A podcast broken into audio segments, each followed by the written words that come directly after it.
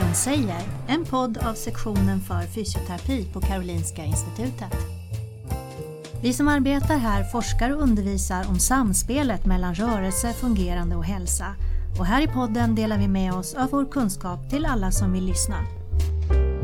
Fysion säger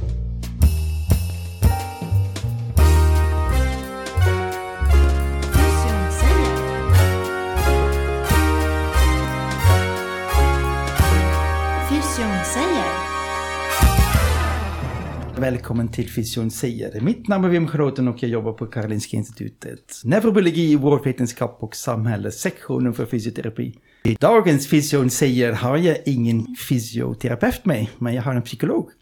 Välkommen till Fysion säger, Sara Widén. Tack så mycket. Vem är Sara Widén då? Sara Widén, jag är psykolog som sagt. Jag jobbar som lärare på sektionen för psykologi och undervisar bland annat till stor del på fysioterapeutprogrammet. Så att jag är väl lite som en fysio på vissa sätt. du räknas med i vår stav. Och sen jobbar jag också på psykologprogrammet och gör lite inhopp på läkarprogrammet. Jag försöker sprida psykologisk kunskap på så många håll som möjligt till olika yrkesgrupper. Mm, vilken bra livsmål känns det så. Mm, mm, ja, det tycker jag. Eh, och du jobbar här på Karolinska Institutet? Ja, precis. Och jag har bjudit in dig idag för att jag såg en video. Den handlar om eh, varför patienter inte gör vad man säger. Vad var det för video? Precis, det är en, jag tror att det är från en föreläsning jag höll för Kloka Listan. En, en sån seminariedag som handlar om just ja, men för, bristande följsamhet från patienter. Och det är något av det som jag liksom har specialiserat mig mest på också. Att så här, ja, men hur underlättar vi beteendeförändring hos patienter och studenter kanske, men i första mm. hand patienter. Jag tror vi kommer till och med studenterna sen. Jag ska mm. bara säga till lyssnare att uh, Sara Widén, hon brukar vinna ett pris som Karolinska Institutet har. Det är inte Karolinska Institutet, men det är studenterna själva som väljer ett pris som heter Evidensblomman. Till en lärare som de uppskattar mycket och uh, jag har absolut ingen chans mot Sara. Hon vinner varje gång. Grattis egentligen. Tack så mycket, det är jätteroligt. Det är ett jättefint erkännande. Så eh, här har vi en pedagog ute i fingerspetsarna. Men om vi tar ämnet då, compliance, varför gör inte patienterna vad vi säger? Då läser jag på lite grann och eh, då ungefär en av tre som inte följer mm. vad vi säger. Mm. Är det så mycket? Mm. Det är jättemånga och det är liksom, de flesta studier som har gjorts är ju framförallt på om man tar sina mediciner som man ska. Ja. Och jag tror att om man gör jämförelser och tittar på där det är sånt som psykologer och fysioterapeuter jobbar mer med, det är ju liksom beteendeförändringar, att börja följa ett visst mm. träningsprogram eller ändra dagliga ja. vanor. Och det är ju ännu svårare. Så att mm. jag skulle säga att det kanske är faktiskt ännu värre inom Oj. våra verksamhetsområden. Och, ja. Och jag tänker att många yrkesverksamma fysioterapeuter också upplever just det. Att mm. det är väldigt svårt att få patienten att följa ett mm. träningsprogram eller följa råd man ger. Och där blir också en ekonomisk fråga. Jag tänker så mycket resurser som man lägger på att ta fram evidensbaserade behandlingar, mm. att utbilda personal. Alltså all, all, undervisning som vi bedriver på KI är ju för att lära olika yrkeskategorier inom vården så bra och rätt saker som mm. möjligt. Och allt det är ju på något sätt bortkastat om vi inte också lyckas förmedla den kunskapen till våra patienter på ett sätt så att de faktiskt gör det de behöver för att må mm. bra. Yes. Så det är ett nålsöga kan man säga. Mm. Vad bra, du är här då idag och ja. lär oss hur man ska göra. Eh, för att jag, jag, såg i, i den här föreläsningen, jag tror ni, om ni googlar på hennes namn då kommer den fram, ni som vill veta ännu mera. Men vi ser att vi har ganska mycket kunskap egentligen och även patienten har kunskap. Så det är inte kunskapsnivån som är det bristande faktor. Nej, och det är ofta det, jag tänker att det är ofta det vi gör när vi vill påverka någon annans beteende. Och det är ju privat också, det är inte bara våra patienter, mm. men där blir det extra tydligt. Att det vi gör är att vi försöker informera så tydligt som möjligt, så vi kan verkligen ha förklarat varför det här är rätt och hur man ska göra, hur man ska gå tillväga. Men, men det, det är ju oftast inte så att patienterna inte har förstått att det vore bra att följa mm. det här träningsprogrammet, utan det är ju andra faktorer mm. som bidrar till att de sen inte riktigt får till det. Mm. Och en av faktorerna eh, läser jag är viljan då. Vill patienterna bli bättre?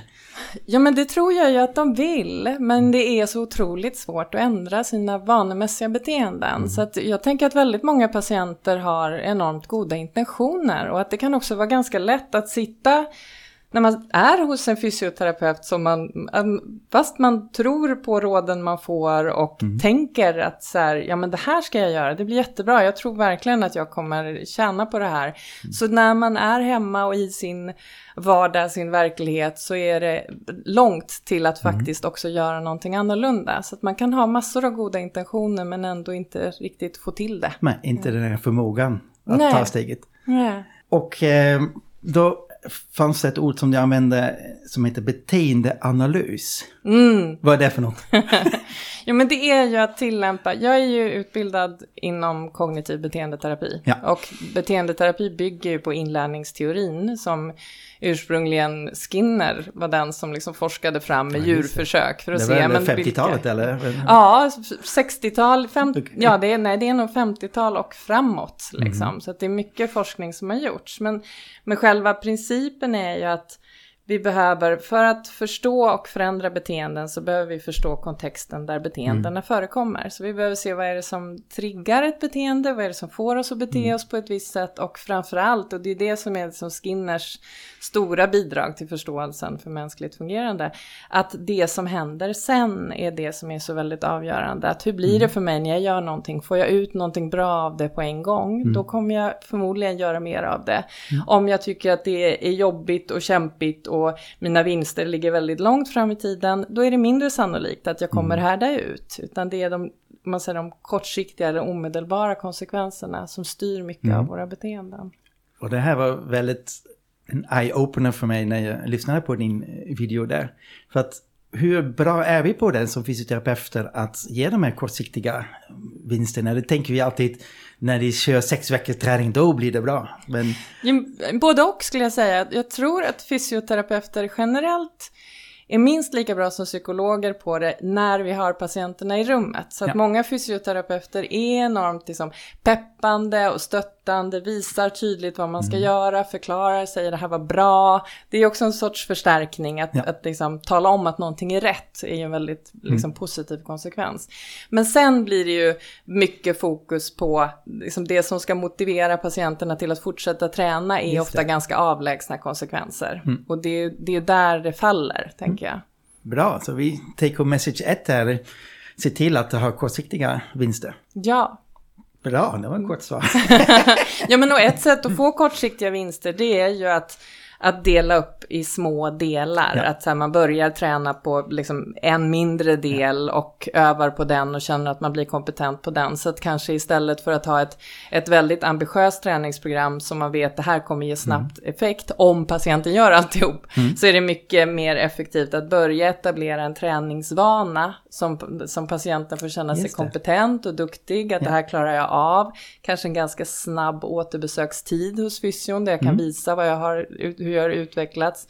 Och sen höja svårighetsgraden när jag väl har etablerat beteendet. Just det. En sak kan vara då att en träning är jobbigt då, så förstärker ett slutande beteende. Att man tycker att det är jobbigt att klä om eller jobb i grupp eller man klarar inte övningarna. Mm. Mm. Och då är det en negativ impuls som gör att man kanske slutar med sin träning. Hur, hur ska vi göra det? Precis, och det brukar man ju prata om som bestraffare eller mm. försvagning är ett bättre. Så att någonting, mm. någonting som gör att, att jag inte upplever att, det här, att situationen blev bra. Till exempel just, ökad smärta kan jag tänka mig. Verkligen, ökad smärta är definitivt ett sånt. Ökad rädsla, definitivt. Mm. Att jag blir rädd för hur ja. någonting känns eller att jag ska mm. göra fel. Osäkerhet, att jag känner mig osäker på hur jag ska göra. Eller om jag är på ett gym, att jag känner att alla andra är så eh, snygga och vältränade ja, och har rätt. så att det finns liksom väldigt många potentiella försvagare ja. då i den typen av miljöer om man mm. inte är en, en person som annars tränar mycket. Mm. Ja. Och vad ska vi göra med, med dem? Ska vi låta dem vara eller ska vi prata om dem?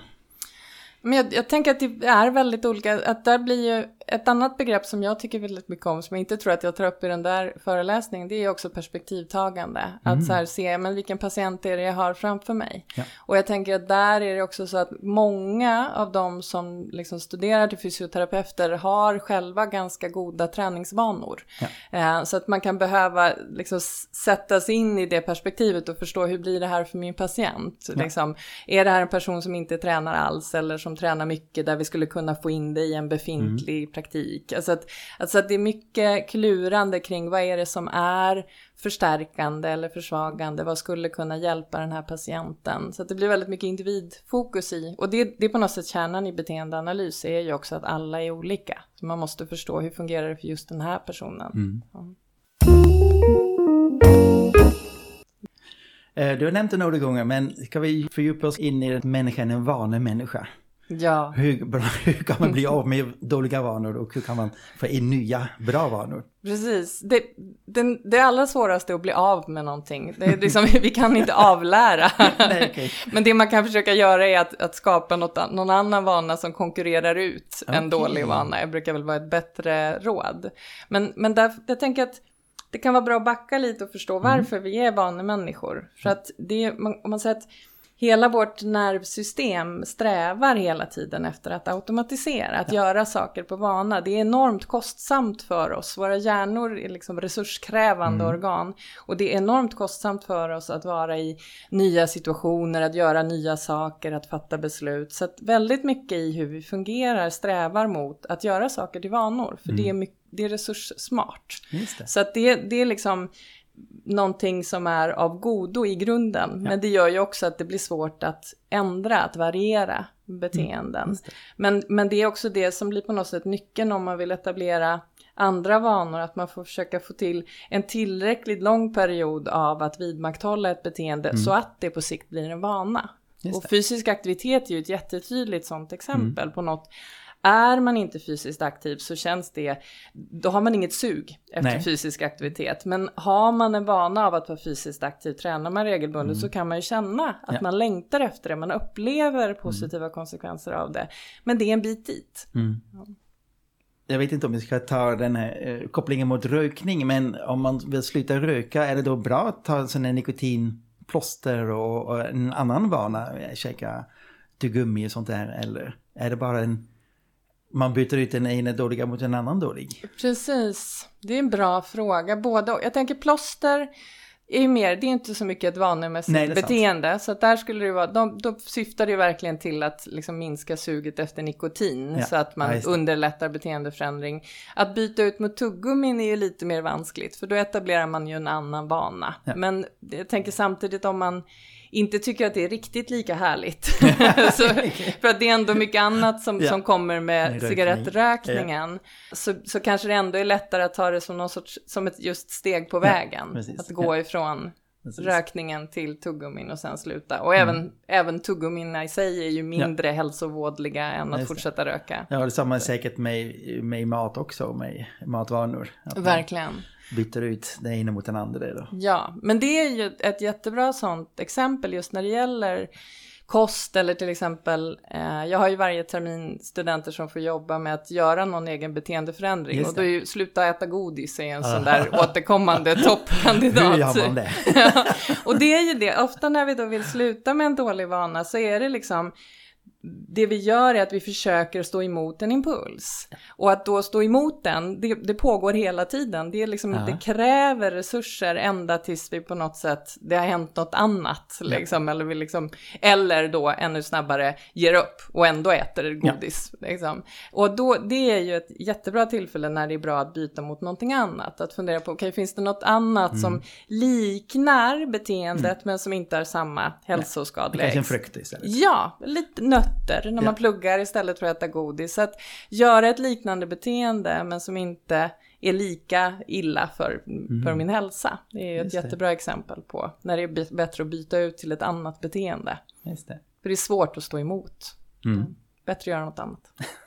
Just det. Eh, sen är det naturligtvis det där med stillasittande då. Hur mm. kan man bryta en sån vana? Att man det finns sådana här da datorprogram som då eh, automatiskt stänger av efter 20 minuter. Att man, nu måste du röra på dig, lite pausgympa. Men man blir otroligt stressad av en sån grej. Mitt i mening slutar datorn fungera. Så de har inte funkat.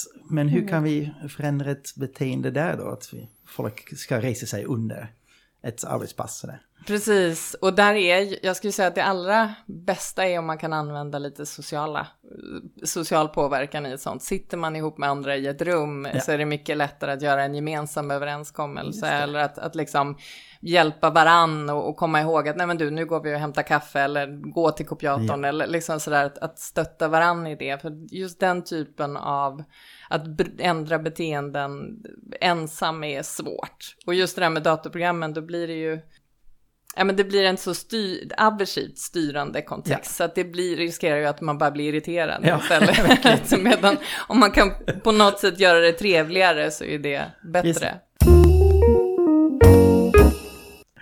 I din video pratar du om någonting som heter East. Vad är det för något? Mm.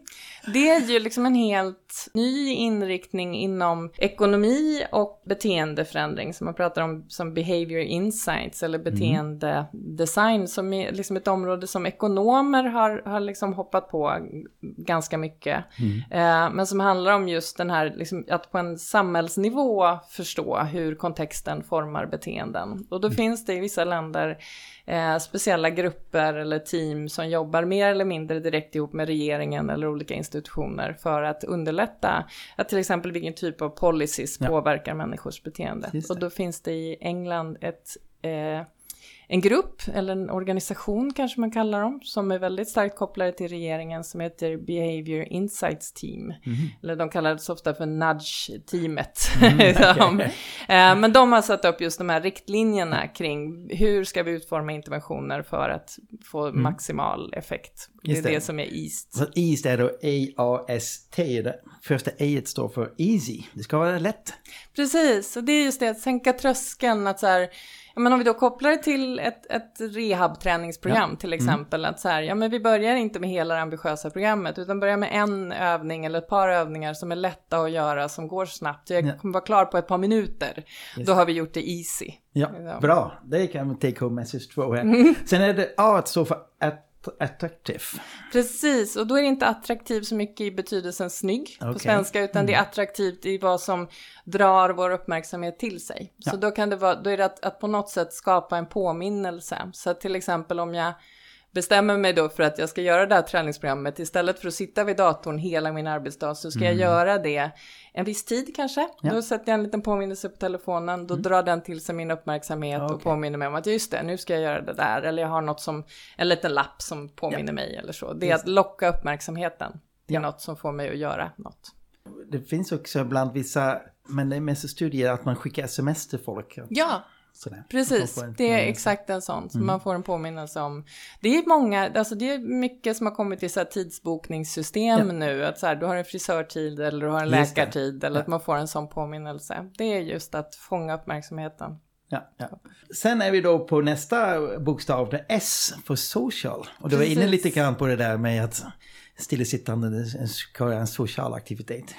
Ja, så att allting som, så här, typexemplet är en intervention som gjordes för länge sedan, jag tror att det är tidigt 2000-tal, där man försökte få människor i några regioner i USA att minska sin elförbrukning. Mm. Eh, och då provade man olika budskap, man, man delade ut eh, informationen att du kan spara ekonomiskt på det, mm. eller ett miljöbudskap, yeah. att det här är bra för miljön.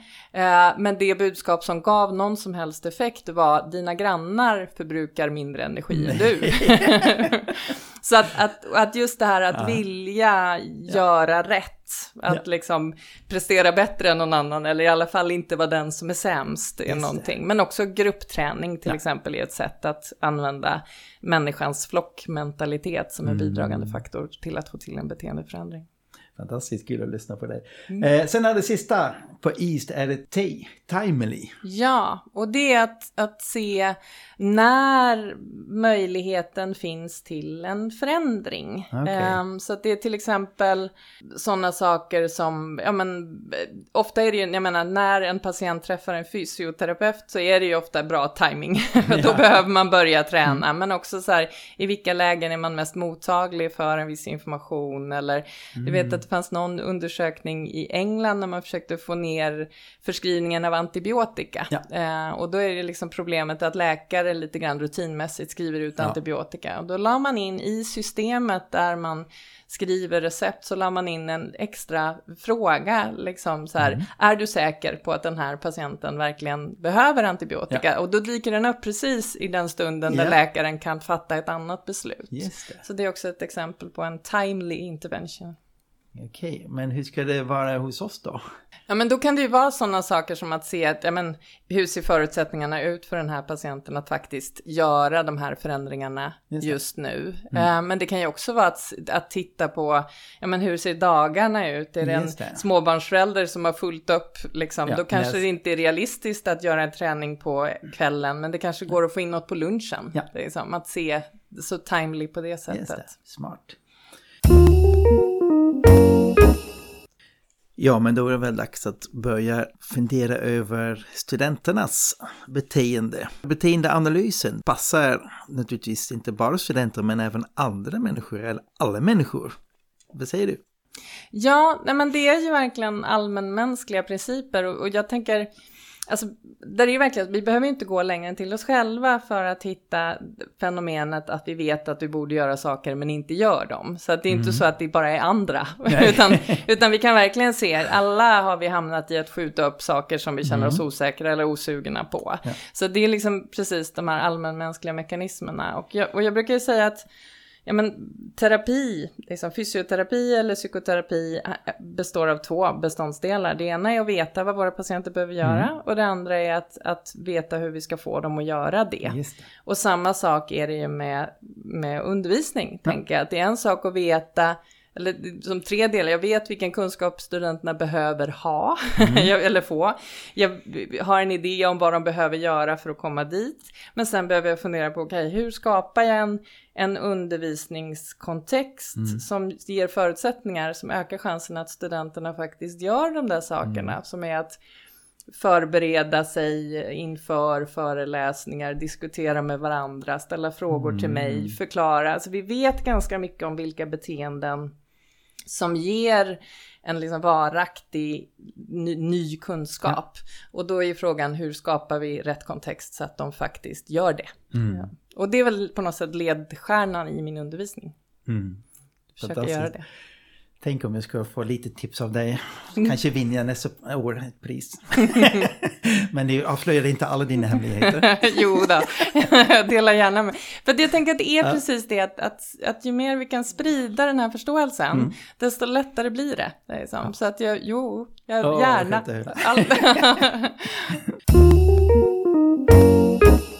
ja. Eh, jag satt och tänkte på Eh, en podd som vi hade för några månader sedan med en man som heter Tom Arild eh, Torstensson. Som då har en, eh, ni som har möjlighet, kolla upp den där. Den handlar om smärta och mm. förståelse för smärta. Mm. Eh, och där han säger egentligen att smärta är något, ja, vi har alltid tänkt att det är en fysiologisk eh, aspekt. Men han säger det är väldigt mycket emotionell mm. aspekt i smärta och en psykologisk då. Så att han säger att hans träning, att han, när han delar ut träningsprogram som man ska träna den onda leden och man ofta skapar lite mer smärta, att det här är då en kognitiv beteendeterapi. Mm. Jag ja, håller med honom. Ja, och, och det också om man tittar ute i klinisk vardag så är det ganska ofta fysioterapeuter som gör det som, om man säger traditionellt har varit en psykologuppgift, nämligen att göra exponeringsbehandling. Ja. Som ju då är det som jag tänker att han hänvisar ja, till där, nämligen ja. att när vi är rädda för någonting och smärta triggar rädsla, det gör det hos oss alla. Får vi ont så blir vi rädda. Mm. Och den rädslan kan bli ett enormt stort hinder. För, så att de flesta människor som har haft långvarig smärta är ju också väldigt rädda för smärtan. Och den rädslan ställer till minst lika mycket mm. som smärtan gör. Och att då övervinna den rädslan är ju centralt för att komma framåt i en, en rehabilitering ja. och, liksom, och inte minst också att få ett fullvärdigt liv, att inte mm. begränsa sig på grund av att man är rädd för att få ont. Mm. Och där är det, tror jag, tycker man har sett att det har mer och mer blivit en uppgift för fysioterapeuter att stå för den ja. träningen. För Så att jag tänker att, mm. att verkligen att fysioterapeuter behöver förståelse för de här grundläggande mekanismerna. Ja. Precis, och då är det, som man säger, är då, dosen är inte alls viktig om man kör tre set av 12 reps eller bara ett set av 12 reps. Det är exponeringen som är det viktigaste. Precis. Så att, att komma över rädslan. Och det kan göra att, att man gör någonting som har ganska liten fysiologisk effekt. Mm. Men om det gör att rädslan avtar så är det en enormt stor ja. vinst som sen gör att man kan öka ja. som träningsintensiteten. Mm. Mm. Vad roligt att äh, höra att våra ämnen är ändå lika.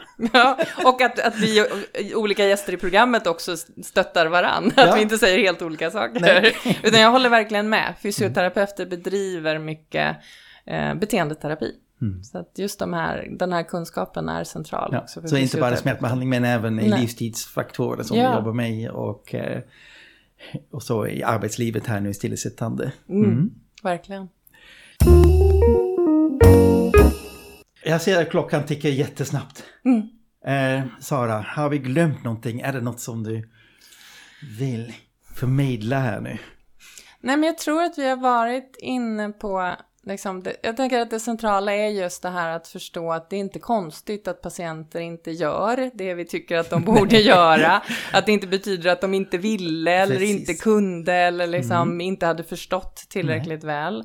Och att vi ska vara försiktiga när vi börjar förklara saker om och om igen för ja. våra patienter och ja. säga att ja, men då är vi nog inne på fel spår. Och att mm. istället mm. försöka förstå, okej, okay, vad, vad är det som blir hindren om min patient kommer tillbaka och inte har mm. gjort mm. det som vi var så överens om. Jag tänker att det är det som händer, att man blir så förvånad.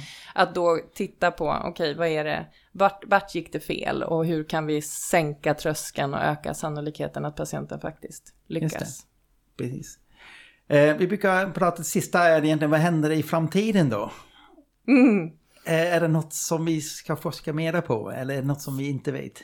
Alltså jag brinner ju för pedagogik och pedagogisk mm. forskning. Hade jag fler timmar på dygnet och fler veckor på året så är det ju verkligen det jag skulle vilja fördjupa mig i. Mm. Att, att få hitta liksom ännu bättre metoder, ännu mer forskningsstöd kring hur lägger vi upp undervisning på ett sätt som ökar förutsättningarna för våra studenter att lära sig mm. saker så bra som möjligt. För att där är det, finns fortfarande väldigt mycket så här, gammal hävd, så här, katederundervisning yes. eller hur man mm. delar ut läsuppgifter eller hur tentorna mm. är utformade som inte är särskilt hjälpsamma. Mm. Så jag tänker att, att mer forskning, att stötta de som vill göra någonting annorlunda. Det är det jag skulle vilja göra. Men i praktiken så, ja, jag hinner inte, jag har fullt upp med att göra undervisningen. Ja. Men det är det jag skulle önska att det kom ja. mer verkligen. Ja, men det skickar vi med här till alla våra lyssnare. Mm. Och eh, våra lyssnare, synd att vi inte hade en kamera för att Sara pratar så mycket med händerna. Händerna flög runt i rummet. Det är fantastiskt att se. Mm. Stort tack att du ställde upp för Fysion säger idag. Ja, men tack för att jag fick. Det var jätteroligt. Du har lyssnat till podden Fysion säger, en podd som sänds från sektionen för fysioterapi på Karolinska Institutet. Fysion säger